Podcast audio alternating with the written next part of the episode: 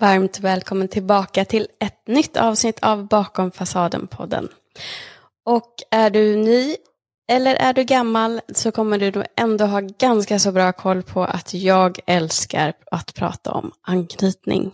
Och anledningen till att jag gör det är ju därför att jag själv märkte att när jag började lära mig om min anknytningsstil så var det som att jag fick en nyckel till den inre resan och faktiskt förstå vem jag är. Inte för att man är sin anknytning utan därför att man förstår sig själv när man vet lite mer.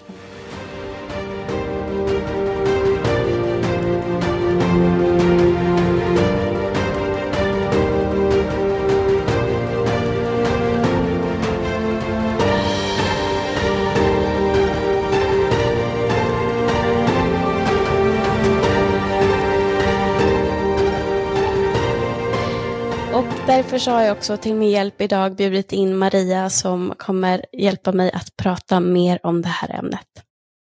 Varmt välkommen till podden Maria. Tack så mycket. Jätteroligt att vara här. Ja, och eh, det är så roligt också att eh, vi har hittat varandra och det har vi gjort på Instagram därför att jag älskar ditt konto som heter uh, That Healthy Relationship och verkligen det är ju det man skapar när man har koll på sin anknytning. Precis. Och uh, därför tänkte jag att du först ska bara få berätta lite grann om uh, vad du jobbar med och ja, vem du är. Ja, jo, men jag jobbar ju då med anknytning helt enkelt kan man säga. Jag jobbar med klienter som kommer till mig för de är nyfikna på vad är det som gör att jag har problem i mina relationer? Vad är det som gör att jag upplever olika mönster hos mig själv? Eh, och man kan vara, det kan vara väldigt varierande hur medveten man är av de, om de här sakerna. Då jobbar jag utifrån integrerad anknytningsteori, kallas det. Eh, och man kan väl, om man ska förenklat säga vad det är, är ju att om vi pratar om anknytningsteori, den som har funnits ända sedan 50-60-talet, så kan man säga att det här är som en, den integrerade varianten är som en överlappning med sex stycken nyckelfaktorer då som, som man jobbar med, som är liksom lite skillnad då jämfört med den klassiska traditionella anknytningen. Det är väl det, jag kan nämna vilka de här nyckelfaktorerna är kanske? Ja, gärna. Ja, Eh, jo, men då tittar man på någonting som kallas för kärnsår. Det kommer från engelskans core wounds. Och I Sverige, när man pratar svenska, så är det väl vanligare att man pratar om grundantaganden, brukar det hitta mm mer om. Eh, och det man kan säga vad kärnsår är, att det är ungefär som om du jämför program i en dator. Alltså, det finns ju bra program, men det finns också virusprogram ibland i datorn. Och mm. kärnsår fungerar lite liknande som ett virusprogram fungerar i en dator. Den ställer till saker helt enkelt. Eh, och de här programmen, de sitter i vårt undermedvetna. Och det kan vara till exempel ett program av att, eh, att vi ofta har en förmåga att tolka in att jag är inte tillräcklig, jag duger inte, jag kommer bli övergiven, jag är inte älskad, det är något fel på mig. Finns jättemånga sådana här, jag tror det är någonstans 20 någonting ungefär. Eh, och de här ploppar upp i alla möjliga situationer. Det är ett av nyckelområdena då. Mm. Eh, och det är också det vi kommer prata mer om idag senare. Men de övriga nyckelområdena som också ingår i den integrerade anknytningsteorin är att man tittar på behov och förväntningar i relationer. För alla människor har ju behov och som vi alla vet så har vi ju vi har ju mer behov än bara äta, sova, gå på toa och tvätta oss. Utan vi har mm. också det som är, liksom gör att vi är vi, våra identitetsbehov. Eh, som kan vara väldigt, alltså i grund och botten så går de ner till samma liksom, grundläggande mänskliga behov, men de yttrar sig på olika sätt hos olika personer. Eh, och bara en liten, en liten sån sidogrej kan vara att till exempel om man upplever väldigt mycket friktion i sitt liv, antingen i relationer eller kring sitt jobb eller vad det är, då är det oftast för att man inte lever riktigt i linje med sina personlighetsbehov eller identitetsbehov. Mm. Um, och ett till område som man tittar på då är det här med känslomässiga mönster. Det vill säga hur jag agerar och reagerar i olika situationer. Och ett annat område är att man tittar på det här med gränser och gränssättning, för där kan det variera ganska stort från att va, vad är gränser? Jag har inga gränser till gränserna flyger som liksom spön i backen och är väldigt rigida, så det finns liksom hela svängrummet där. Mm. Ehm, och man tittar också på det här med kommunikationsmönster. Hur kommunicerar jag med andra? Så till exempel om jag eh, längtar efter mer närhet, säger jag då till den jag är tillsammans med vet du vad, jag, jag skulle jättegärna vilja att vi tog lite mer tid här tillsammans, för jag, jag längtar efter att vara nära dig. Eller säger man till exempel, du vill aldrig vara med mig, och så vidare. Hur kommer det mm. ut? Liksom? Så. Ja, så viktigt. Ja. Och det sista, det sjätte om nyckelområdet då, det är att man tittar på beteendemässiga copingmekanismer, alltså strategier som vi har lagt oss till med för att ta oss ur när någonting känns väldigt jobbigt. Och det är ofta sånt som vi har hållit på med sedan vi var små. Ah. Så det är det som är den integrerade varianten, de här sex områdena. Och det, det brukar vara så att ja, jag, skulle, jag vågar nog faktiskt säga att alla klienter som jag har jobbat med har utmaningar i någon utsträckning på de här områdena. För det mm. hör ofta, ofta, ofta hemma i just om man har delvis eller eh, helt otrygg anknytningsstil. Ja, och, och, det låter ju också lite likt schematerapi, att man mm. jobbar med olika typer av scheman. Precis, det, det är absolut gemensamma nämnare med det tänker jag. Det finns ju liksom, det här kan man säga att det är liksom inbakat lite av varje i det här. Mm. Som man kan känna igen. Så att den här grundteorin av John Bowlby som då mm. utvecklades, precis som du sa, eh, och lanserades på 60-talet, mm. Eh, den har blivit mer utvecklad och då blivit integrerad anknytning. Det kan man säga. Antingen kan man tänka så eller så kan man tänka att det är som en gren av mm. anknytningsteori. Mm. För tidigare, alltså jag vet inte hur länge, men ganska lång tid så tänkte man ju när man upptäckte det här med anknytning att det var mer eller mindre skrivet i sten. Mm. Har du en otrygg anknytningsstil, I'm sorry, det får du leva med. Men sen har ju det här utvecklats eftersom det här är ju en teori som har funnits väldigt länge så den har ju också, jag skulle nog våga mig på att säga att av alla psykologiska teorier så tror jag att det faktiskt är den här som är mest forskning på. Mm. Eh, vilket gör att man har jobbat intensivt med den och vidareutvecklat den. Så idag så tycker jag att det mer och mer ploppar upp, eh, om man säger i modernare tid, att det är inte alls skrivet i sten, utan man kan till och med jobba sig fram till en trygg anknytningsstil, alltså en förvärvad trygg anknytningsstil. Pratar man mm. Mm. Ja, men det, det kan ju jag säga att eftersom jag har gjort det så vet jag ju att det är möjligt. Ja. Um, och Sen så undrar jag också, att, finns det verkligen någon som har 100% trygg anknytning? Jag, jag tvivlar på det. Vad tror ja. du? Ja, det, alltså det är ju omöjligt att säga egentligen procent överhuvudtaget ja. kring det här, utan det man märker är väl främst hur man reagerar i olika situationer, vad man gör för tolkningar och vad, vad det är liksom som blir besvärligt i relationer. Det är väl mm. det man får titta på. Ju otryggare anknytningsstil man har, ju mer blir sådana här olika områden problematiska. Och sen mm. om man har en trygg anknytningsstil eller jobbar sig till en trygg anknytningsstil så sjunker också vad ska jag säga, frekvensen i problem med de här grejerna. För att man lägger inte in en massa tolkningar som gör att man blir triggad eller blir upprörd på olika sätt. Då. Mm. Att, men helt trygg, det, ja, hur skulle man kunna mäta det? Det är en väldigt bra fråga. Ja. Nej, du har helt rätt. Eh, jag tänker bara att det är många av oss som just gör den här resan från att vara majoritet otrygg, eh, oavsett i vilken del då som man passar bäst in, ja. till att bli majoritet trygg. Vi har ju ofta sådana här test för man vill se lite grann hur går det för mig? Särskilt under tiden man kanske går i terapi eller coaching och verkligen fokuserar på att försöka bli mer trygg. Mm. Så, så känns det ändå, för mig har, har, det känts skönt att veta att det blir bättre.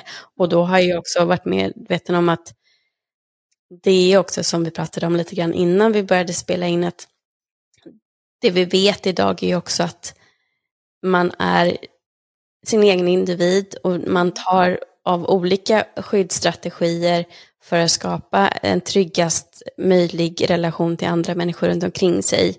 Eh, och, och, det kan vara att jag har några strategier från den som kallas för otrygg ambivalent och några från den som kallas för otrygg undvikande och så vidare. Och det är svårt att egentligen placera någon i fack, men för enkelhetens skull, för att folk ska veta vad de har som mest att arbeta på mm. och jobba med, eh, så delar man in dem. Men det är egentligen väldigt, väldigt förenklat att säga att du är otrygg ambivalent, eller du är otrygg undvikande, eller du är otrygg desorganiserad. Eh, men det skulle bli så otroligt svårt att jobba med sin anknytning om man inte förenklade det så, kan man väl säga. Precis, och sen också komma ihåg att eh, alltså de, de här namnen, de här tre otrygga anknytningsstilarna, den ambivalenta, den undvikande och den desorganiserade, det, man delar ju in det så för också att man ska få liksom en förståelse. Det är liksom så, man kan tänka att det är som att man har samlat en grupp av saker som är liksom vanliga mm. för den, den anknytningsstilen för att få en förståelse för att aha, men det är ofta de här utmaningarna som kommer i paketet. Det är liksom inte för att sätta egentligen någon stämpel på någon eller så, utan det, det blir, ofta blir det tydligare att veta vilket håll man jobbar åt och vad vilka delar som brukar vara eh, viktiga att ta upp och jobba med. Så det egentligen är det ju menat eh, för att hjälpa en. Så. Det kan ju låta lite skrämmande att få höra, har jag en otrygg anknytningsstil eller har jag delar av en otrygg anknytningsstil?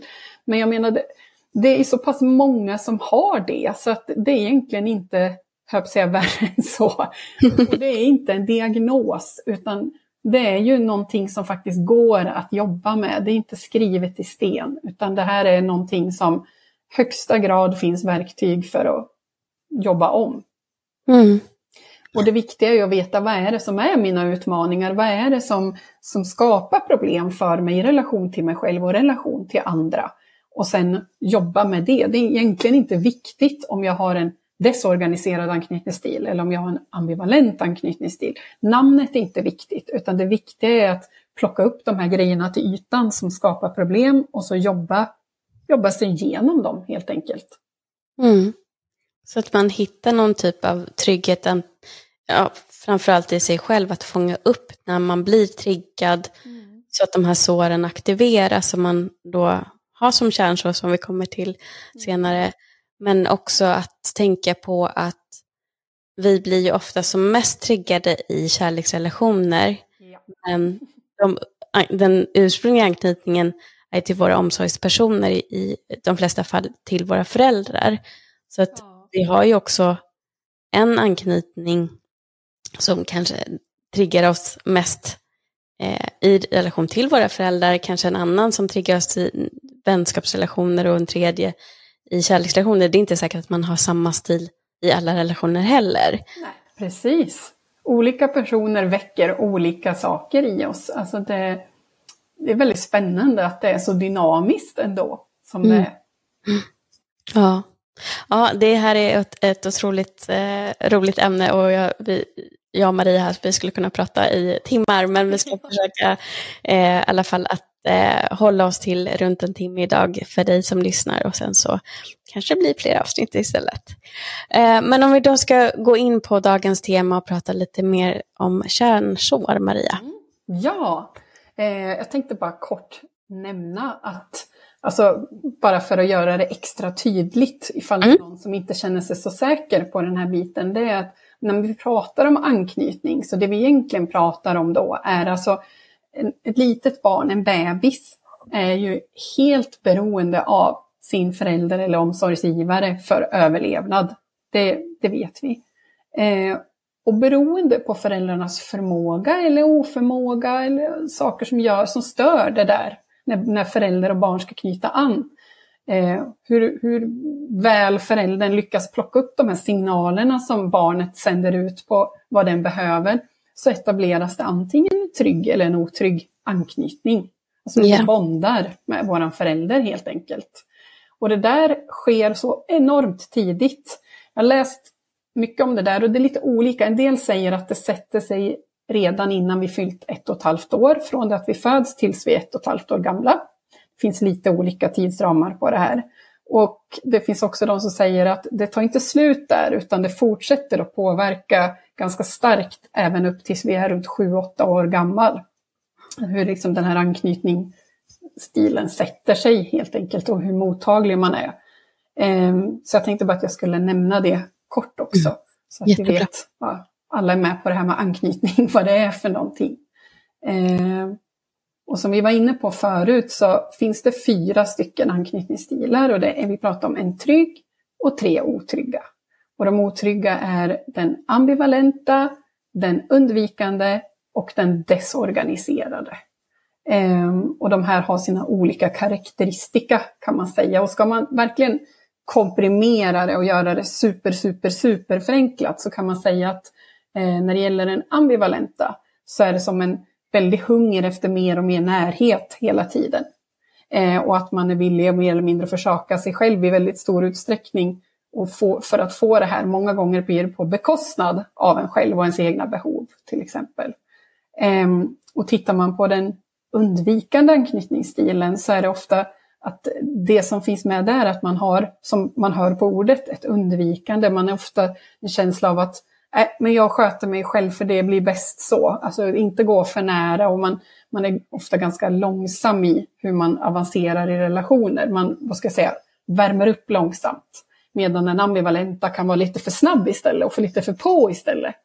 Eh, och den desorganiserade, det är den anknytningsstilen som är eh, det brukar ofta finnas, alltså det finns ju trauma i alla otrygga anknytningsstilar, men det är den som brukar vara förknippad med att det finns mest trauma och störst och mest komplicerat. Men som sagt, nu säger jag de här sakerna väldigt, väldigt kortfattat, väldigt förenklat, bara för att ge en liten, liten hint. Och den desorganiserade kan också tendera att det kan vara varmt och kallt, varmt och kallt och att man är rädd för intimitet, till exempel sådana här bitar. Eh, och som jag nämnde tidigare, så just när man, när man pratar om den integrerade anknytningsteorin så är ofta väldigt mycket utmaningar i de här sex områdena som jag nämnde förut. Eh, och eh, det, det, brukar vara så att eh, de här grejerna, de, som du var inne på Helena, att de, de liksom aktiveras mest i kärleksrelationer. De aktiveras i andra relationer också. Men det är, av någon anledning så är det liksom kärleksrelationer som aktiverar det mest. Eh, och anledningen till det är ju för att när vi blir tillsammans med någon så blir det ofta de som kommer oss närmast. Eh, och det tenderar att vara så att när vi har varit tillsammans tillräckligt länge för att uppleva den andra personen som relativt trygg eller permanent, det brukar kunna ta mellan ett till ett och ett halvt år eller någonting sånt, ibland tidigare det är då det aktiveras som allra mest, vår anknytningsstil. Och då kommer alla de här grejerna som ingår i paketet, eller vad jag ska säga, med de här olika anknytningsstilarna. Mm -hmm. mm, jag trodde det var direkt när man började känna någonting.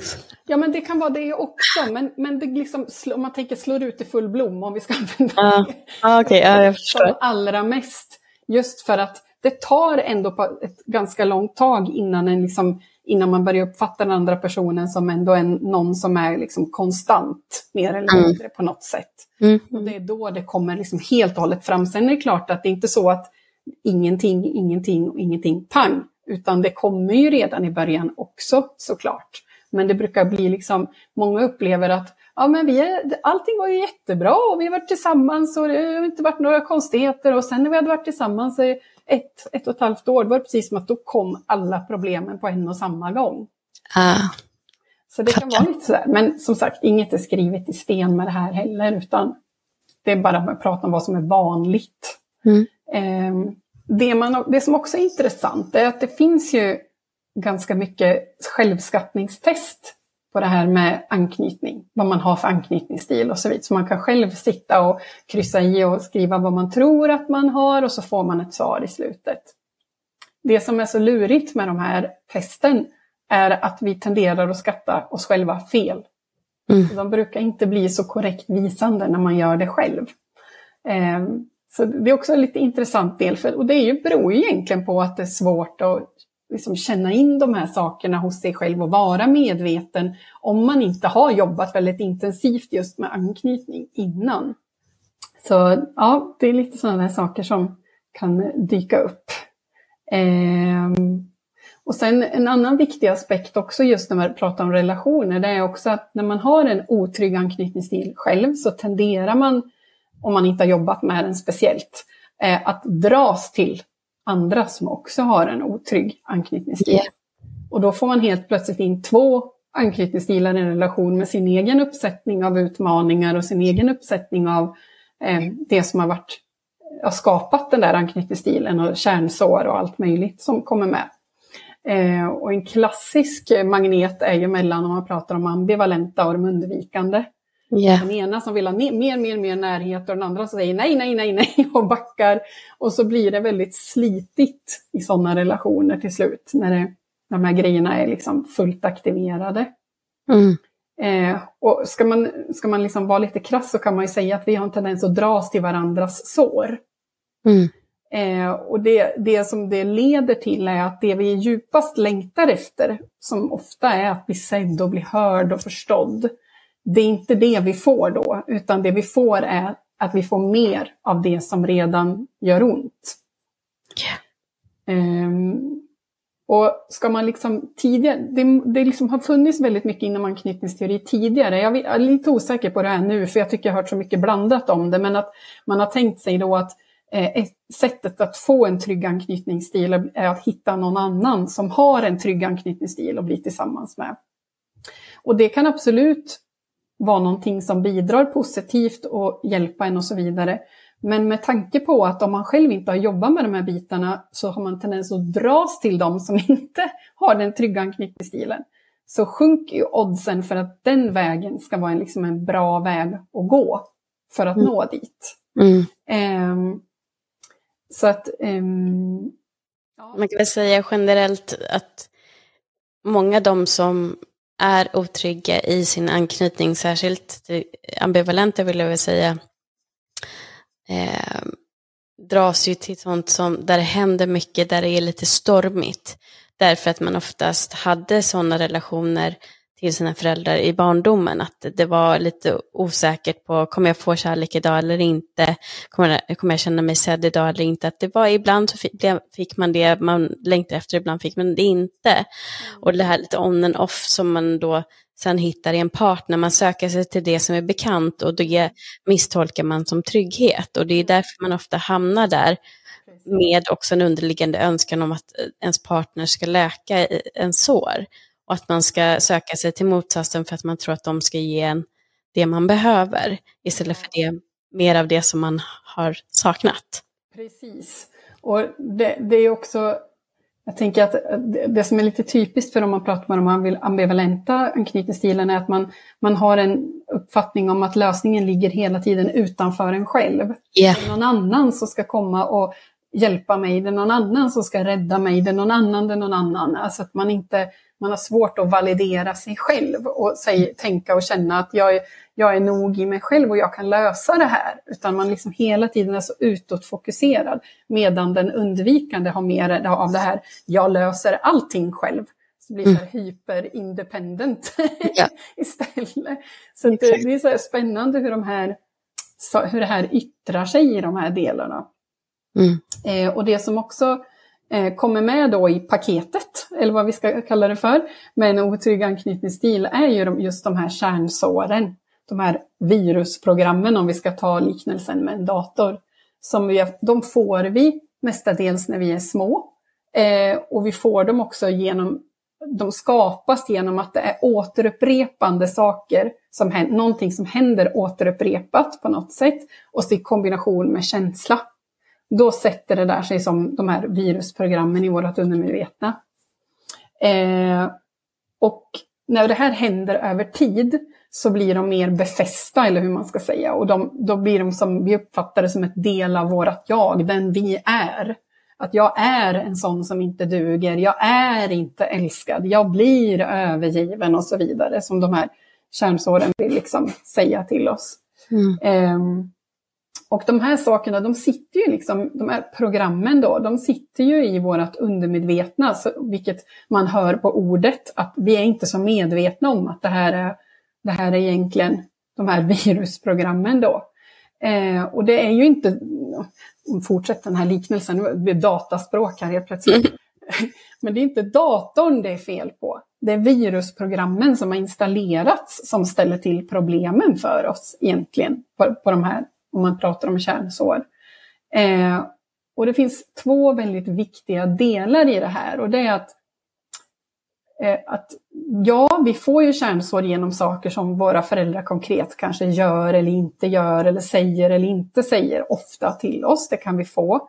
Men det handlar inte bara om det. Kärnsår kan vi också få för att barnet själv tolkar ju sånt som föräldrar gör och säger.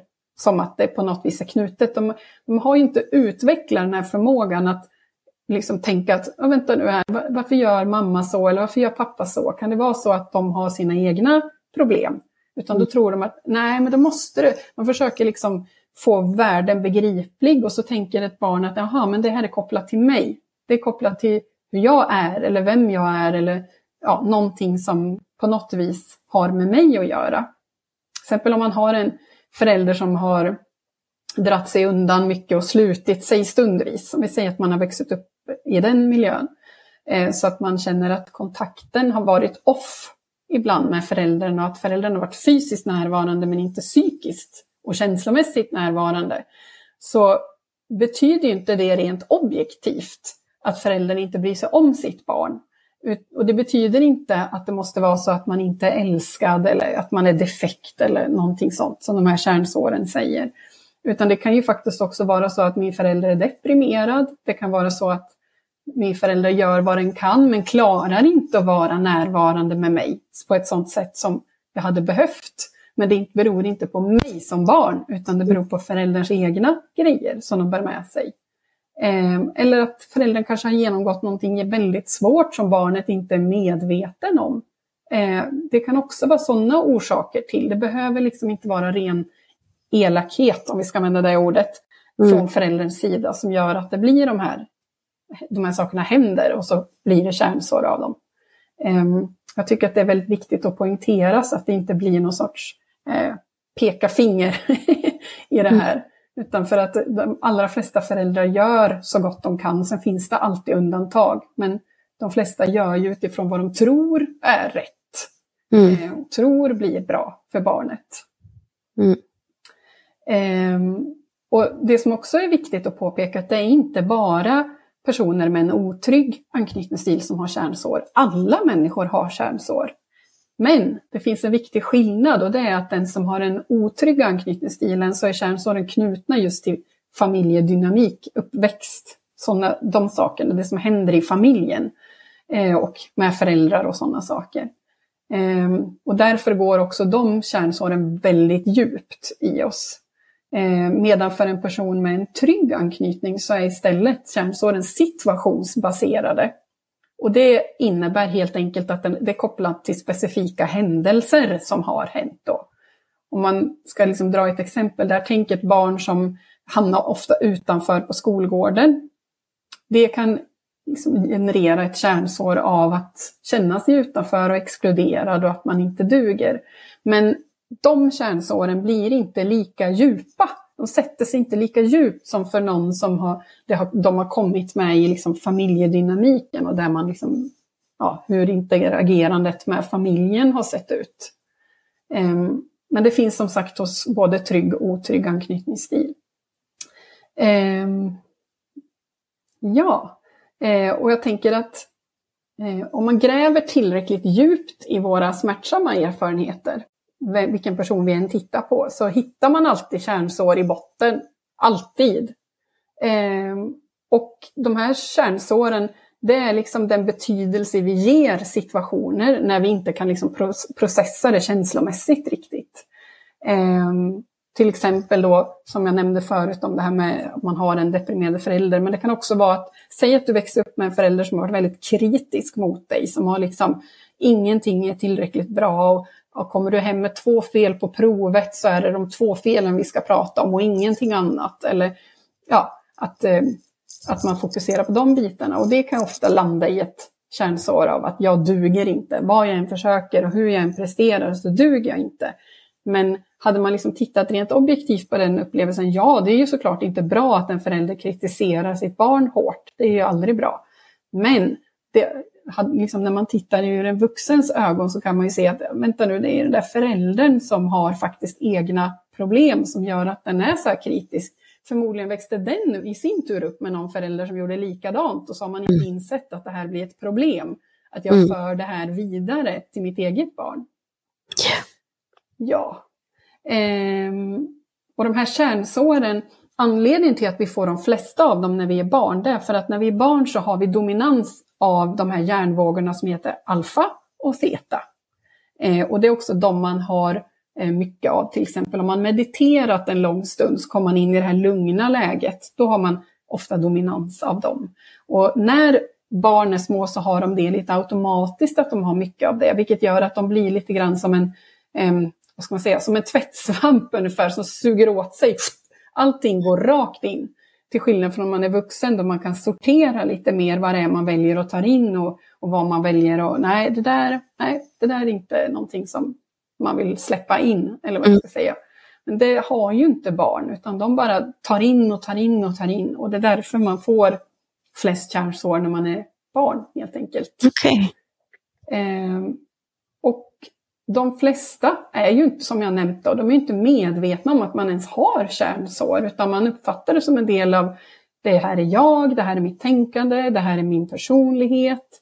Och man känner sig som att man är ett med de här grejerna.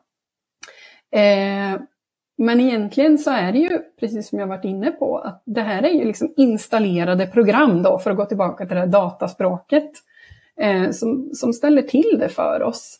Eh, eh, vi kan också få kärnsår när vi är vuxna. Eh, mm. Men inte lika mycket och inte lika många, utan det kan vara att till exempel om vi tar en individ som har haft en trygghetskänsla i livet och liksom, ja, tycker att det funkar och så är den personen med om någon eh, naturkatastrof eller bilolycka eller som blir väldigt, en väldigt stark känsloupplevelse. Då kan det räcka för att skapa ett nytt kärnsår. För det vanliga är, det som skapar, som jag sa förut, det är repetitivt plus känsla. Men det kan räcka med att det är bara en väldigt stark känsloupplevelse också för att skapa ett nytt sånt här program. Så en sån individ kan ju efter en sån olycka bli väldigt rädd och bli väldigt otrygg och uppleva det väldigt starkt och att det liksom följer med efter en sån upplevelse. Och då kan man veta att ha, nu har det ploppat upp ett nytt kärnsår.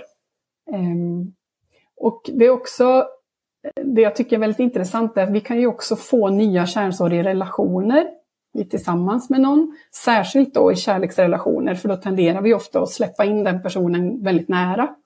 Ehm, så man kan väl säga att egentligen så är väl ett av de absolut viktigaste besluten vi tar i livet är när vi väljer att gå in i en kärleksrelation mm. för, med en annan individ. För vi Väljer vi tokigt så kan det få enormt stora konsekvenser utifrån kärnsår och utifrån massa aspekter. Det kan ju till och med få oss att ändra anknytningsstil om yeah. vi vill sig illa. Mm. Ehm, så att där är det ju extremt viktigt att verkligen se till att man har jobbat med sig själv och fundera på vad är det som är mina värden, vad är mina preferenser och hur har jag det med mina gränser och hur har jag det med mina behov, har jag koll på de här sakerna, klarar jag och sätta det och hålla det. Och så vidare. Det finns många sådana här grejer. Jag tänker att om man tittar på, jag brukar tänka på det här väldigt ofta när jag tittar på film eller när jag lyssnar på musik och så här, så tänker jag många gånger på de här texterna eller de här, det som händer i de här serierna eller filmerna, så tänker jag att Nå, det där är inte riktigt hälsosamt. Mm. Ja, och precis, och det, det har jag pratat en del om också därför att det som du säger, nu skulle jag jättegärna vilja att det når även tonåringar. Och det är inte direkt de kanske som lyssnar på podden, men jag tänker ni som lyssnar som har tonåringar, att ni också kan hjälpa till att prata med dem, mm. både tjejer och killar. Ehm, just därför att jag vet att när jag var i tonåren så hade jag en otrygg anknytning visserligen, eh, och den var mer åt det ambivalenta hållet. Men det gjorde att jag sökte väldigt mycket bekräftelse i, eh, utanför mig själv, precis som Maria förklarade förut. Och hamnade också i en relation med en person som var väldigt giftig och väldigt skadad. eh, när jag var precis i början av 20-årsåldern under några år. Eh, och jag pratade om den här relationen också och jag har eh, väl mer eller mindre satt eh, det, diagnosen på honom, även om han inte ska det, att han, för att han har så tydliga narcissistiska drag. Men det skadade mig väldigt mycket och skad, eh, skapade nya kärnsår. Eh, och fick också, vad jag själv har förstått sen, mig att gå till en desorganiserad otrygg anknytning. Mm. Så det, det vet jag ju att det är sådana saker som jag sen nu senare har fått eh, också återupprepat med en relation för några år sedan. Eh, men det fina i kråksången är ju sen att när man börjar arbeta på det så blir det lättare att jobba på de här kärnsåren mm. och se det för vad det är i vuxen ålder. Jag kan se att det här var ett av deras, eh, vad ska man säga, skydd. Eh, en person som är så skadad själv, mm. som skadar andra genom att ignorera, eh, genom att bestraffa med tystnad. Ja. Eh, och, och, på så sätt skapa känslor eh, av att man inte vågar uttrycka sina behov, eller mina behov är inte viktiga, mm. eller att om, det är, om den personen jag är i relation med blir tyst, då har jag gjort någonting fel för det, det är ett straff. Mm. Det märker jag ju också idag att absolut, det kan triggas men kanske bara en kort stund. För jag är väldigt snabb på att hämta hem mig själv när tankarna far iväg där och tänker, nej men vänta nu. Du är inte där idag, det är inte den här personen, det är inte samma relation och oavsett om han nu skulle göra likadant, I got you. Alltså jag har mig själv, jag, klarar det, jag håller dig, jag kommer skydda dig. Eh, just för att jag har gjort arbetet med det inre barnet och min anknytning. Så lite sidospår men bara en reflektion. Jätte, jätteviktigt. Och jag menar, där är det ju liksom, man kan säga att det, där, det du gav exemplet på nu, det är ju hur det här spelar ut. Mm. Hur, hur, det yttrar sig. Och jag brukar säga, och det, det, här får ni såklart förstå att jag säger med lite glimten i ögat när ni lyssnar mm. på det här, men jag brukar säga så här att när vi inte har jobbat med oss själva eh, och kanske det finns då delar eller helt otrygg anknytningsstil i, i botten Mm. Så kan en attraktion till en annan individ vara den första varningsflaggan. Mm. Att de här delarna är så, alltså i oss, man pratar om det liksom undermedvetna då, som de här programmen sitter i, som vi har pratat om, de här kärnsåren. Alltså det undermedvetna jobbar ju så hårt på att se till att vi ska vara kvar i situationer som vi har överlevt förut. För det tänker liksom, det är någon sorts man kan, svårt att säga att det undermedvetna tänker, men alltså tänket, om vi säger det i alla fall då i det här, är liksom okej, okay, det här har du varit i, det här är bekant i någon form, så alltså ska du stanna i det. Och om jag då försöker hitta en partner och så har jag en otrygg anknytningsstil, så kommer den här attraktionen vara styrd väldigt mycket av vad jag har liksom med mig som mm. ligger där i botten. Och det är man ju oftast inte medveten om. Och det är ofta det också som gör att man dras till individer som gör att det, man får mer av det som gör ont i grund och botten. Mm. För att man har inte jobbat med de bitarna. Och jag menar som tonåring är man ju fortfarande i vad ska jag säga, utvecklingsfas. Men hjärnan har inte ens mognat färdigt. Det har den ju inte förrän man är runt 25. Mm. Den är liksom färdig. Eller vad jag ska mm. säga. Så att det, det är ju också det är många aspekter i det här och har man inte ens hört talas om de här grejerna och så ska man bara gå på vad social media säger, vad film säger, vad musik säger om, om relationer. Alltså det, det är ju så mycket av det ohälsosamma som är liksom normen inom ja. den delen. Att, Tyvärr. Ja, det är inte det här att liksom, ta det lugnt, fundera, matcha den här individens handlingar och ord, vad, vad är dina värderingar? Vad är dina viktigaste värden? Vad, vad är viktigast för dig? Och kan du sätta gränser när du behöver sätta gränser och kan du hålla dem? För att sätta mm. gränser och hålla dem är inte samma sak. Nej.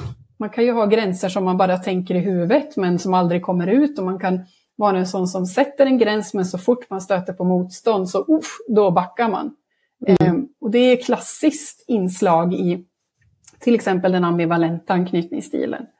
att, att det blir så. Det kan också finnas delar av i den desorganiserade. Men den desorganiserade brukar vara mer sådär att när de väl blir lite arg, då, kom, tuff, då kommer gränserna stenhårt. Men de kan också ha svårt att hålla på de här gränserna när det här energin ilskan börjar lägga sig.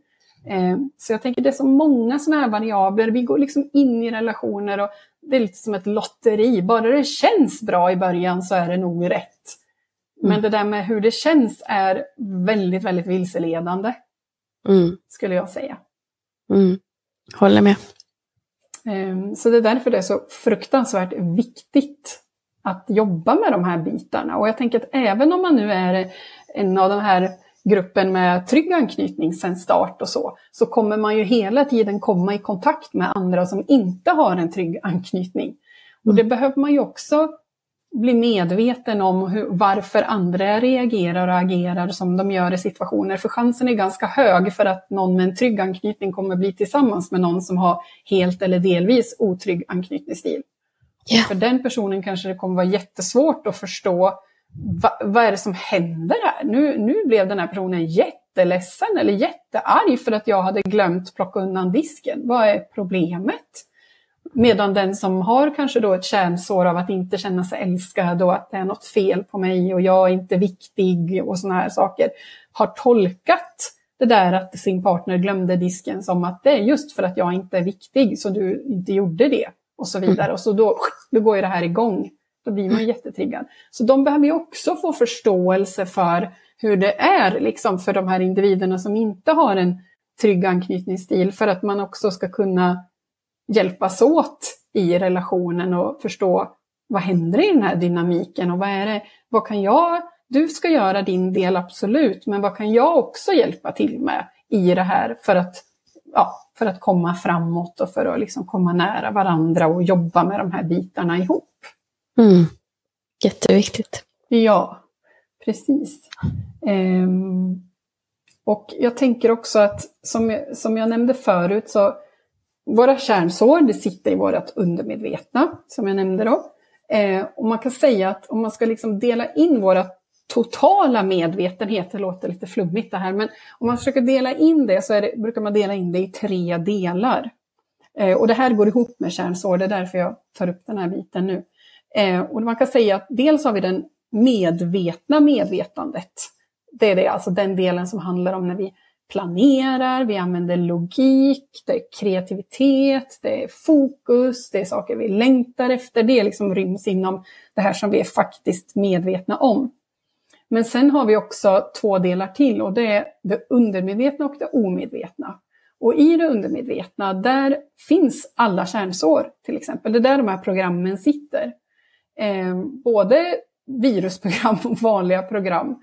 Till exempel så om du har lärt dig cykla säger vi när du var liten, så är chansen rätt stor att idag om du sätter dig som vuxen på en cykel så behöver du inte tänka att nu ska jag sätta händerna på styret, nu ska jag sätta foten där och så ska jag trampa så här. För det är liksom redan ett program, så det, det bara gör du och du tänker knappt ens på att det händer. Eller till exempel att um, ja, du ska borsta tänderna säger vi. Du går ju inte in och bara, och först tar jag tandkräm på tandkräm, vad säger, på tandborst. Och så bör, alltså det sker ju som ett program, det är redan installerat, så det där bara händer. När du tänker borsta tänderna och sen tänker du inte så mycket mer, du bara agerar. Och det som är intressant är ju att det går att fiska upp saker från just den här delen som är vårt undermedvetna. Det går däremot inte att fiska upp saker i alla fall inte vad jag har läst någonstans om ur det omedvetna, utan det, det som är där, det är där bara. Um, och det undermedvetna, det är, man kan säga att det är igång hela tiden, vare sig vi är vaken eller vi sover. Mm. Eh, och plussar man ihop då, det som man liksom har sett då när det har forskats på det här är att om man plussar ihop den delen som är det undermedvetna med det omedvetna, så utgör det någonstans ungefär 95 till 97 procent av vår totala medvetenhet. Det är alltså enormt mycket som utgörs av de två delarna. Och den här lilla procenten då, 3 till 5 procent som är vårt medvetna medvetande, det kan inte övermanna det, vad heter det, det undermedvetna och det omedvetna mer än möjligtvis i korta, korta eh, perioder.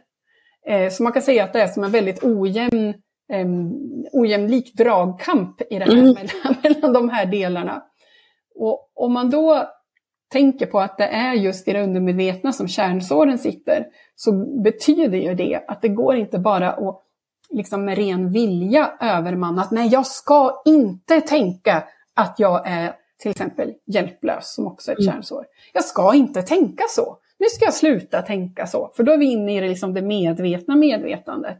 För det som händer är att eftersom att det där ligger i det undermedvetna så har det så mycket starkare påtryckning än just den här medvetna delen. Så det kommer att ploppa upp i sådana här situationer då vi blir triggade, för det är ju då de här grejerna kommer. Det är ju liksom våra stunder när vi blir triggade som, som visar på vilka kärnsår vi har. För att när allting känns lugnt och skönt, då är, ligger de som lite vilande. Men så poff ploppar de upp så fort det kommer någonting som kommer åt dem på ett eller annat sätt. Mm. Och för att illustrera ytterligare med den här, den här vad ska man säga, väldigt ojämlika eh, dragkampen då mellan de här delarna av vår medvetenhet så kan man säga att det undermedvetna kan processa ungefär en biljon bits data per sekund. Alltså det är enorma mängder som sker extremt fort. Men det har också en kapacitet för en miljon gånger högre det för korta tidsperioder. Så det är helt sinnessjukt vad det kan processa. Man fattar inte hur det här ens är möjligt, men det här finns det också forskning på. Och då ska man, om man jämför det då med vårt medvetna medvetande, den här 3-5 procenten som jag nämnde, så mm. kan det processa kanske 40-60 bits information per sekund. Så det är alltså en massiv skillnad. Ja, verkligen. Eh, ja, Eh, men innan man får liksom lust att kasta in handduken totalt här i den här ojämna fördelningen så vill jag säga att det fina här är att trots att den här lilla, lilla procenten som är vårt liksom medvetna medvetande kan hacka systemet. Mm. Så det går, de här virusprogrammen då som ligger i det undermedvetna, det går att liksom dra upp dem till liksom en medvetande, en medveten nivå. Och så mm. kan man börja processa de här och programmera om dem. Så att från att kanske ha blivit triggad någonstans uppåt 9-10 på en skala och det känns som huvudet håller på att explodera ungefär i vissa situationer av de här kärnsåren. Mm. Så mm. kanske det blir en tvåa eller trea på skalan istället. Mm. Eh, och det är ju en massiv skillnad i hur, vad, liksom, vilken känsloupplevelse man får i den situationen. Och det är också mycket lättare att få någonting att lägga sig som bara triggas lite, lite jämfört när det är liksom full skogsbrand i huvudet. Mm. Väldigt mycket svårare att komma ner från en sån liksom, känsloexplosion. Mm. Um, och visst, det luriga är ju att vi ser ju egentligen allt genom det undermedvetnas filter. Det är som att det, innebär att bland annat när, när, vi har obearbetade kärnsår så färgar det liksom allting vi tänker, vi säger och det vi gör. Om, om vi tar exemplet på det här kärnsåret, jag duger inte, eh, så är det som att jag helt enkelt har på mig som ett par glasögon, fast det är inte genomskinliga linser utan de kanske är en färg, med rosa, blå, gul eller vad det nu kan vara. Och jag ser allt, och allting ser lite gult ut när jag har gula linser, eller allting ser lite blått ut när jag har blåa linser.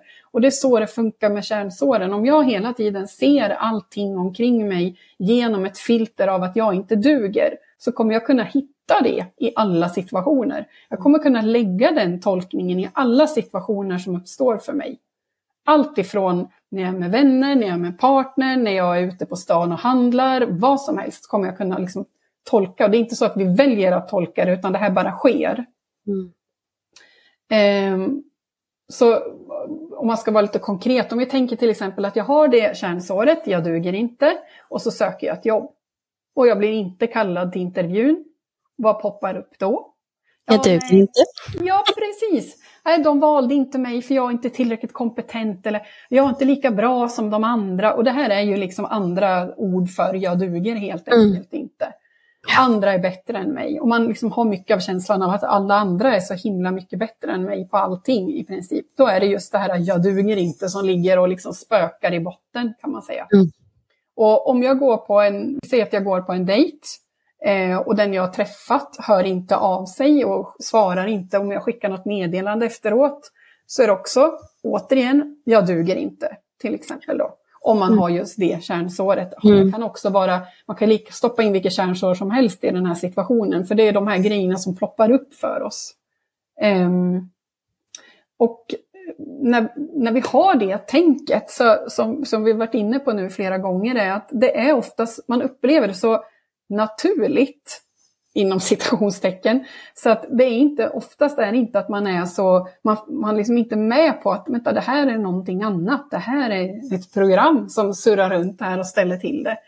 För att jag kan nämna några av flera av de här kärnsåren tänkte jag. Som mm. är de vanliga, eller de absolut vanligaste. Det kan vara till exempel att jag passar inte in, det är, jag är inte respekterad, jag duger inte, jag har ingen kontroll, jag är fångad, jag är exkluderad, ehm, jag är inte värd och så kan man lägga till valfri tolkning på vad det är man inte är värd. Eller att jag är en svag person, eller jag är övergiven. Ja, det här är bara för att nämna några. Men de här grejerna tenderar att, man brukar hitta de här när man börjar leta i liksom, upplevelser när vi är triggade. Mm. Um, sen, sen ska ju också läggas till att det finns ju såklart situationer, det finns ju rättmätig ilska som kan ploppa upp. Och vi kan ju rättmätigt bli ledsna i situationer också. Så det är inte så att varje gång vi blir upprörda på något sätt, arga, ledsna eller vad det nu är, så är det alltid ett kärnsår. Det finns ju faktiskt situationer som någon har rent objektivt varit elak mot en och då är det ju såklart naturligt att bli arg eller bli ledsen i de situationerna. Men... Mm, jag har ett exempel där. Ja. Eh, jag tänker på just med jag blir övergiven. Mm. Eller, det har jag haft som kärnsår och mm. eh, det kommer ifrån att jag faktiskt fysiskt blev övergiven som spädbarn innan jag blev adopterad. Eh, så att jag sökte mig till många situationer eh, där killar har gjort slut mm. fort och kanske utan förklaring. Yeah. Eh, och det här har ju följt mig under många, många år.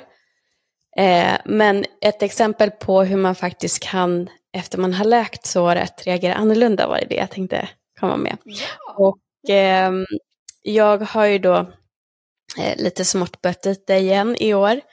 Och eh, då var det en man som bara försvann, ghostade, som vi kallar det för. Och jag kunde se så tydligt att hade det här hänt innan min läkning mm. så hade det här väckt, jag blir övergiven, jag kommer dö.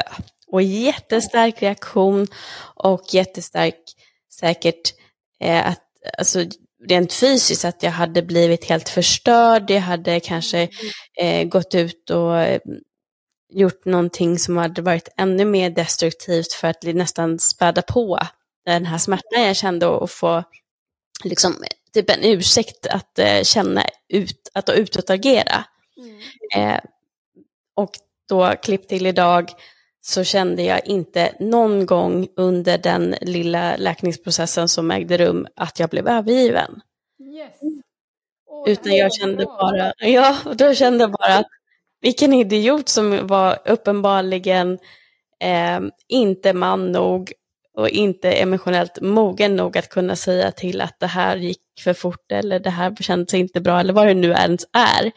Eh, och sen kunde jag bli liksom, okej, okay, nu behöver jag nog vara ledsen över att det inte blev som jag hade hoppat på. Och sen kunde jag gå vidare. Men det, åh, det här är ju det är så underbart att höra sådana här exempel. Jag bara, känner hur du bara, jag blir så glad att höra. Det är precis det där du beskriver som är skillnaden. Att när kärnsåret kickar igång och börjar liksom det är som en, vad ska jag säga, som en liten story som börjar gå i huvudet. Jaha, ja. nu händer det här igen. Och, och det är ju för att jag är en sån som blir övergiven, eller vad det nu är för tanke. Exakt. Som det är yeah. Medan rent konkret kan man ju tänka att istället för liksom, det skillnaden blir då att när det inte är ett kärnsår som håller på och bråkar med en, då blir det den här andra tolkningen som du berättar nu, den senare. Liksom, ja, det var ju han som ägde problemet här, det här var ju konstigt. Ja, ja, så där beter man sig inte. Och så kan man ju såklart ja. bli man kan bli arg och man kan bli ledsen över det också. Men mm. det blir inte det här, det är, man kan säga att det är som kärnsåren plockar upp det på en helt egen nivå. Alltså yeah. av smärtsamhet och av det liksom går från att göra ont till bli nästan outhärdligt. Mm. Eh, så det är det som är liksom skillnaden. Det är inte så att liksom målet är att vi ska gå genom livet och det ska aldrig dra upp en ilskekänsla, det ska aldrig dra upp en ledsen känsla eller vad vi än är med om. Det handlar inte om. Utan Nej. det handlar om att komma ifrån de här små, liksom, eh, vad ska man säga, storiesen, na, Mm. engelska, som ploppar upp i de här situationerna. De här liksom, historierna som är från gammalt, som kommer liksom, och lägger sig i och skapar massa smärta i en situation som inte hade behövt vara lika smärtsam. Ja. Så det där är ett helt fantastiskt bra exempel som du gav på hur det blir när man har jobbat med de här sakerna. Mm. För att eh, det är ju också det som ska tilläggas att i de otrygga anknytningsstilarna, vi pratar inte om att man kanske har ett eller två kärnsår. Vi pratar om att man har ganska många. Så att det är inte bara en sak som kan ploppa upp. Det kan ju ploppa upp, jag blir övergiven, jag är oälskad, jag är inte trygg, jag är hjälplös. Och jag menar, då har man en riktigt jobbig cocktail av kärnsår som liksom kör på någon sorts skrikprogram i huvudet om varför det ena eller andra hände eller så vidare. Mm. Så att det blir extra, extra plågsamt för oss. Det kan man också säga utifrån det som du nämnde och det här med kärnsår, att när vi är i en relation så jag, läste, jag tyckte det var så roligt för det är så sant. Då stod det någonting i stil med att en relation är aldrig bara två individer, utan det är alltid sex individer involverat i en relation. Och det, det, det som det syftar på är just att eftersom man har liksom växt upp med en eller två föräldrar och man har växt upp med det, man blir präglad av det, så är det, och den anknytningsstil man har, så spelar ju det in i ens parrelation också. Eh, och det finns heller ingenting som triggar våra kärnsår så mycket som just kärleksrelationer. Eh, så att vi har, vi, har liksom, vi har mycket med oss. Eh, och det ploppar upp på olika sätt och ställer till det för oss. Och det vi ofta bråkar om, och nu, nu menar jag i en relation som är liksom inte med en störd individ, inte med en stark narcissistisk individ, utan nu pratar jag om liksom de vanligare typerna av relationer. Så, Mm. så det vi bråkar om med våra partners är egentligen inte det vi bråkar om. Mm. Om man ska förenkla det. Mm.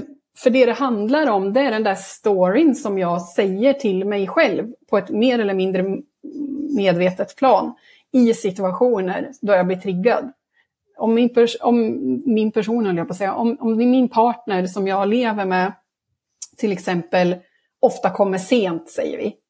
Eh, om jag har då kärnsår som är starka, som ställer till det för mig, då, då är det liksom inte ovanligt att jag blir triggad, jag blir arg för jag tänker att ha, du kom inte sent, du respekterar inte mig, eh, du älskar inte mig tillräckligt mycket för att komma i tid, för att respektera min tid. Eh, jag är övergiven, jag är bortstött och redan i den där korta så har det liksom ploppat upp fem kärnsår i det här som, som stökar till det. Mm. Ehm, så, så det, och, och när jag, be, om jag tänker att om jag blir triggad i relationen och mina grejer kommer upp så är sannolikheten väldigt hög att den, min partner också har sin uppsättning av sina kärnsår som också blir triggade av att jag har blivit triggad Mm. och sen är liksom kaoset igång. Mm. Att, uh, och så håller man på och bråkar om någonting som kanske först och främst inte gäller det man trodde först att det handlade om. Nej. Utan det är de här, det är de här Tolkningarna. Jag skrattar för jag kan liksom se mitt eget liv, hur tokigt det kan bli. Ibland liksom, man bara, åh, vänta nu här, vad är det vi bråkar om egentligen? Mm. När det landar där. Eh, och i grund och botten så är det ju liksom en trygg anknytning vi försöker komma tillbaka till. Det är ju det vi vill ha. Det är ju det som också ger oss de mest meningsfulla relationerna. Och när vi pratar om en trygg anknytning så tänker jag att det är också viktigt att nämna att ibland kan folk tänka, men, ja, men trygg anknytning, ja men jag, jag hade ju mat på bordet och jag, jag hade ju ett hem att gå till och, eh, och så vidare. Och så tror man att det är det man pratar om när man pratar om en trygg liksom, anknytning. Men det är, ju, det är ju egentligen bara det grundläggande och det är också såklart jätteviktiga saker. Men det räcker inte för att en individ ska få en trygg anknytning, för att ett barn ska liksom växa upp och etablera en trygg ank anknytning, utan det krävs så mycket mer. Det krävs att barnet känner sig skyddat, känner sig trygg, att, att någon berör mig med kärlek, att, någon, att jag har connection, alltså att jag liksom känner att den andra personen har en koppling med mig. Mm. Och att den vuxna känner in mig och vad jag, vad jag uttrycker och så vidare. Det finns ju mycket sådana saker. Så det krävs så mycket mer för oss att få en trygg anknytning än bara just det här absolut mest grundläggande. Mm. Ehm, så det tänker jag att det är också viktigt att skicka med här i, i det här samtalet. Och att, att det också kommer konsekvent, tänker jag. Att ja. det, det räcker inte med att man får kärlek då och då. Eh, och, och, det tror jag också att många av våra föräldrars generation, de var så som de hade lärt sig i sin tur, väldigt fokuserade just på att ge oss eh, mat på bordet, tak över huvudet, kläder på kroppen och sådana saker och var kanske inte medvetna om de här känslomässiga behoven som vi nu är så medvetna om att vi har som barn. Och då blir de också, jag menar, det, är, det är fortfarande vi alla människor. Mm. Är det så att man är så koncentrerad till exempel på att jobba för att kunna ge det här till sitt barn, då blir man ju också trött och har kanske inte den känslomässiga kapaciteten att konsekvent finnas och se, höra sitt barn. Precis. Vilket då gör att eh, det skapas små trauman och sår. Exakt. Och jag tänker att när våra sådana här sår, kärnsår, när de aktiveras och vi känner oss till exempel övergivna om vi har det kärnsåret, alltså det är ju någonting som man tänker som den lilla barnversionen av oss själva som vi alla bär inom oss även om vi är vuxna. Det är ju den lilla barnet som tolkar det som ett hot mot ens överlevnad. Det är mm. därför man får de här jättestarka reaktionerna. Och för mm. att när man känner sig som att man är inte älskad eller man, att nu är jag övergiven, jag är ensam. Och så känns det liksom så extremt outhärdligt plågsamt. Det är ju för att det lilla barnet så betyder ju de här sakerna liv och död för. Mm. Och de mm. sakerna ligger kvar när man inte har jobbat med dem. Att det är samma liksom respons i botten. Det är därför de blir så till synes oproportionerliga när vi är vuxna och kan tycka liksom, oj, varför reagerar du så där starkt bara för att jag sa så här eller bara för att jag kom sent till vårt möte eller så. Men det är ju för att den personen har ju med sig de här sakerna sen man var liten och de sitter ihop med de här bitarna av att för att jag ska överleva behöver jag få det här. Och får jag inte det här så är det liksom, kommer jag dö. Mm. För det blir så här som det blir i de här situationerna. Eh, och, och, jag tänker att det som är väldigt spännande i de här anknytningsstilarna, och det här gäller ju liksom egentligen vare sig man har trygg anknytning eller otrygg anknytning, och det är det som liksom, vi har ju känslomässiga, vad ska man säga, associationer med saker.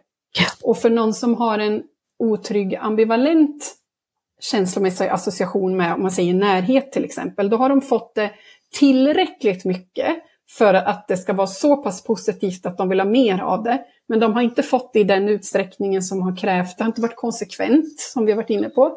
Mm. Eh, så att de har inte fått det i den utsträckningen som har gjort att de har fått en trygg anknytning.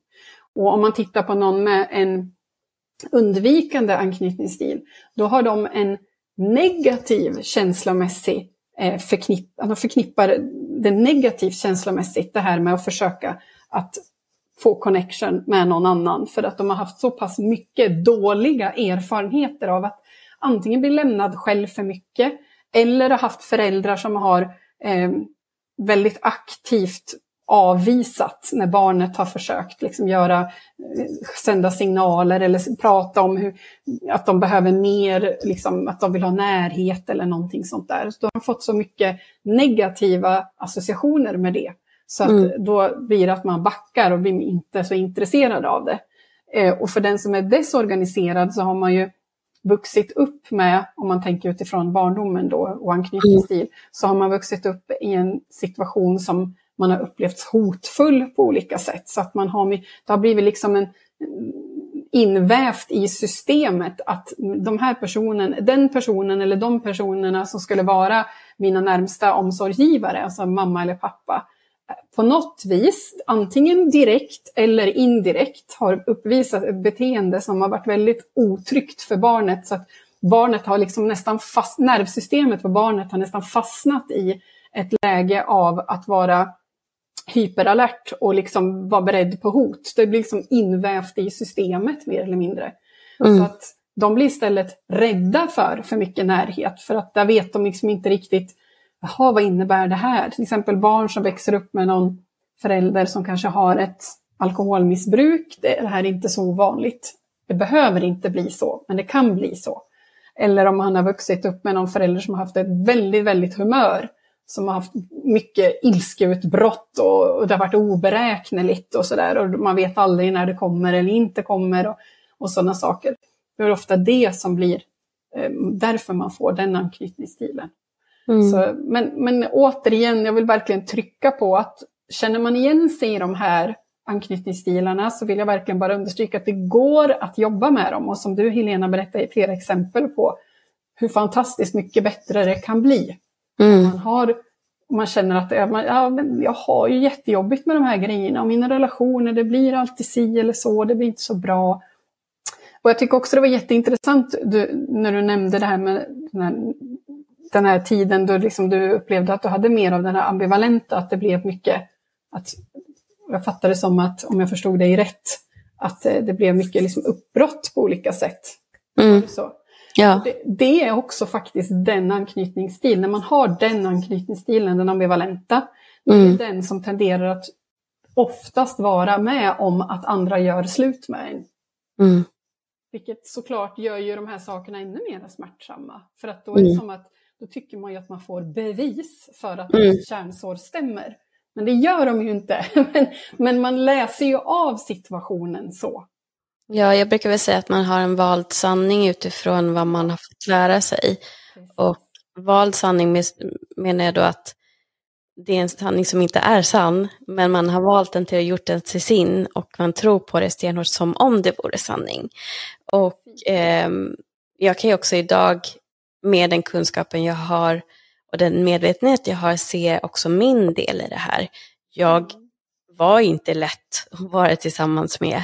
Jag testade, jag var svartsjuk eh, och, all, och allt sånt här för att jag var så övertygad om att jag kommer ändå bli lämnad. Så att jag vågade inte riktigt ge hela mig, även om det kunde verka som att jag hade hjärtat utanpå kroppen, eh, förrän någon hade bevisat för mig att de inte skulle lämna mig. Men det blev så otroligt svårt och i den åldern så vet man ju inte någonting om relationer heller. Mm. Så att det, det är ofta sånt här som följer med i vuxen ålder också. Och att man har samma beteende för att man känslomässigt på något sätt fastnar där de här såren uppkommer. Och jag brukar säga att man beter sig barnsligt därför att det är barnet i dig som agerar och reagerar. Helt enkelt. Jättefint uttryckt, verkligen. Och jag, jag, tycker att det är så, det är precis det där du säger, du pratar om vald sanning, det är exakt samma sak jag menar när man säger att de här stories, alltså här mm. berättelser, som egentligen i grund och botten är lögner. Alltså för det är inte sant att jag inte älskade någon, det är inte sant att det är något liksom, genuint fel på mig eller att jag är hjälplös eller att jag aldrig är sedd och hörd. Men man upplever ju som, alltså det lilla barnet i en försökte ju liksom få ihop sin värld. Och då mm. blev det att det blev de här tolkningarna som blev de här programmen. Det är så, det är så de har liksom satt sig från början. att ja men det kan ju inte vara fel på min mamma eller pappa, det måste ju vara fel på mig. Mm. Det är så liksom det lilla barnet hanterar de här situationerna. Så att det är det här som ploppar upp i oss när vi liksom och ställer till det jättemycket. Och precis som du säger, det är som att man nästan, det blir som någon sorts självuppfyllande profetia. Att, ja, absolut. Okej, okay, jag är hjälplös och då ser jag till att på ett, naturligtvis inte medvetet sätt, men jag, att på ett eller annat sätt ser jag till att det där blir liksom, ja men titta här nu, nu blev det ju så igen. Ja, se, här ser du ju att jag är hjälplös, jag får inte mm. till någonting eller jag, jag kan inte lyckas med det här eller det där eller så vidare. Mm. Så att, det är väldigt spännande att man, som du säger, att man är ju alltid en del av det hela. Alltså det är ju aldrig bara, allt ligger ju inte bara hos den partnern där det inte funkade med, utan det ligger ju alltid någon del i någon grad hos en själv också. Och det mm. kan ju variera hur mycket det är, men man har ju alltid en del i alla fall i det. Ja, men jag tycker också att det är en styrka att kunna gå in då när man har blivit medveten om att okej, okay, relationer funkar för ballen inte bra för mig. Eh, eller jag har svårigheter i relationer i alla fall och börja titta på sin anknytning. Mm. Att man också tar ansvar för det som man själv har varit del i. Mm. För att jag förstår och jag har själv varit där att innan jag gjorde det så upplevde jag att det är lättare att skylla på alla andra. Alla andra gör mig illa, alla andra gör så, alla andra bla bla. Men det är faktiskt väldigt, eh, det, det ger styrka att säga att fast jag tar nu ansvar för att göra om det här i mig. Jag tar ansvar för att läka det här. Jag tar ansvar för de saker som jag har gjort fel, som jag kan lära mig att göra rätt. Jag förlåter mig själv också för det jag gjorde, för jag visste inte bättre, precis som jag kan göra mot föräldrar, omsorgspersoner och liknande som har varit med och skapat de här strategierna och de här valda sanningarna. Mm. Men det är min, jag tar makten över att göra om det här. Mm. Och då känns det ändå ganska så empowering att liksom känna att ja, fast jag kan ju faktiskt förändra det här för att min anknytning är föränderlig, dynamisk. Mm. Och, och, kan ta hjälp av, av dig till exempel, om, om man känner så, om man lyssnar på det här, till exempel du som lyssnar och känner att oj, jag har nu jättemånga kärnsår. ja, men då kan ju du faktiskt höra av dig till Maria. Ja, precis. Och jag tänker också att jag tycker det är så fint hur du beskriver det, för att det är ju någonstans, alltså det brukar jag alltid prata med mina klienter om att när de kommer till mig, det är inte jag som sitter på hela lösningen för ditt liv. Utan alla de här, du är ju experten på ditt liv. Det är du har ju alla de här sakerna i dig, men du kanske just nu inte har tillgång till dem. Så det, mm. det samarbete som det är i den här typen av terapi som jag jobbar med handlar ju om att faktiskt se, jo, men jag har faktiskt makten i den här situationen att, att förändra. Jag kan jobba med de här bitarna och jag kan istället för att alltid vara plågad av de här kärnsåren och ta beslut efter dem och så vidare så kan jag jobba om de här sakerna. Och det är ju jag själv som gör det. Mm.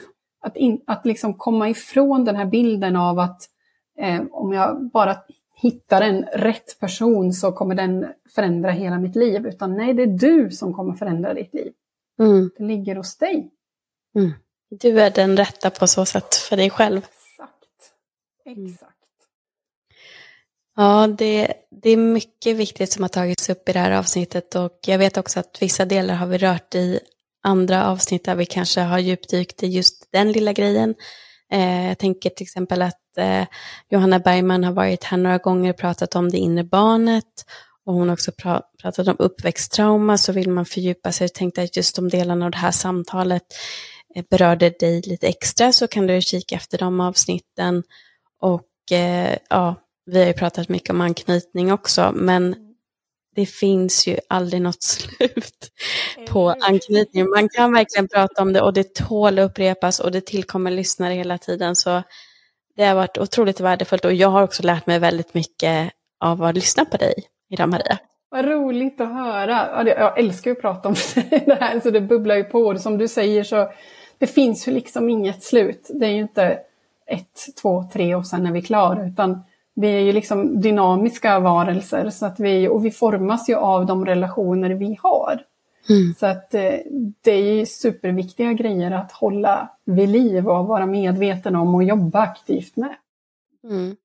Och just eftersom att livet också är föränderligt så kanske någon som har lyssnat på podden för två år sedan men inte upplevde att de riktigt förstod eller var mottagliga för just prata om anknytning då kanske lyssnar på vårt avsnitt nu och då är det helt rätt i tiden. Precis. Men ibland så är det det att vi, alltså vi processar ju allting vi hör. Eh, och när det är sådana här saker som har att göra med självutveckling eller terapi och så, så när vi först får höra det första gången så tar vi till oss det på en viss nivå. Mm. Sen när tiden går så är det precis som man tänker som matsmältningsprocessen. Vi stoppar någonting i munnen, vi tuggar det och så sväljer vi det och så när det hamnar ner i magen då börjar en annan process. Mm. Och så blir det ett annat resultat och så processar man där och sen så liksom går ut andra vägen. Och det är egentligen lite liknande med sådana här saker att först förstår man det på en nivå, sen behöver det liksom sjunka ner och sjunka in och sen en tid senare så kanske man, oj, och så upptäcker man ett annat perspektiv på det hela och kan ta till sig andra delar i det. Och så håller det på så här tills man har liksom processat klart den delen och så kan man låta det passera och man kan ja, gå vidare med andra saker. Mm. Och jag tycker det är det som också är så otroligt häftigt med när man går i samtal hos någon och jobbar med sin anknytning. Att absolut, de flesta av oss kan ju förstå intellektuellt det vi pratar om redan i samtalet. Mm. Men sen när det får integreras så att man faktiskt märker att man agerar annorlunda, då har man också förstått på ett emotionellt plan. Och jag kommer ihåg när det började hända för några år sedan då när jag gick i terapi och verkligen jobbade fokuserat med det här, att det var sån, alltså jag svävade på moln, det var så jävla häftigt rent ut sagt och bara märka att det har blivit annorlunda, jag har liksom ändå gjort om tankebanorna här. Precis, och jag tänker ju att även om det kan vara plågsamt och jobbigt att jobba med de här bitarna, så om man står ut i det och mm. liksom ändå inte ger upp utan man kör på och man verkligen ger sig hän åt processen, så är vinsten i andra änden så mycket större än att leva kvar i det som mm. var. För kostnaden, och då pratar jag inte pengar, utan då pratar jag liksom vad det kostar oss på andra områden, är alltid så mycket större att låta det bara vara och undvika det istället för att faktiskt möta de här sakerna och mm. förändra dem. Ja, gud ja. Och ni märker ju på mig, jag kommer inte ens ihåg de jobbiga delarna nu, så att jag kommer ihåg de, de härliga, fina delarna och eh, att jag liksom skördar frukten av det nu. Så att, eh, ja, det tycker jag är jätte... Jag rekommenderar verkligen alla att jobba med det här. Och är det någon som då vill jobba med dig, Maria, hur går man tillväga? Ja, du hittar mig på Instagram, på, precis som du nämnde Helena, på That Healthy Relationship. Så du är jättevälkommen att skriva till mig där, skicka sånt där inboxmeddelande eller DM som det också kallas. Mm. Ehm, så tar vi det därifrån tänker jag. Och jag erbjuder alltid först en helt kravfri och gratis konsultation.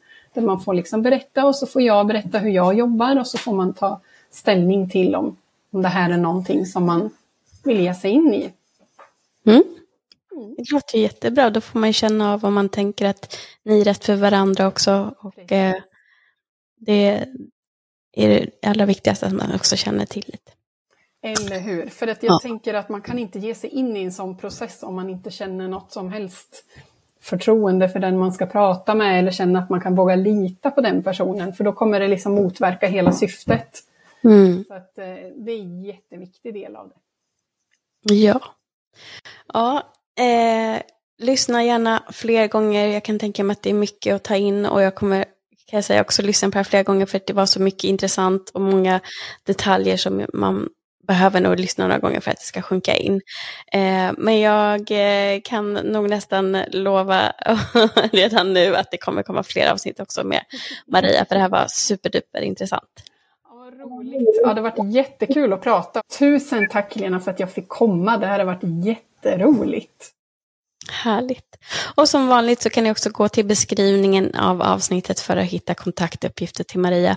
Jag länkar där och eh, helt enkelt eh, tills vi hörs igen, ta hand om dig.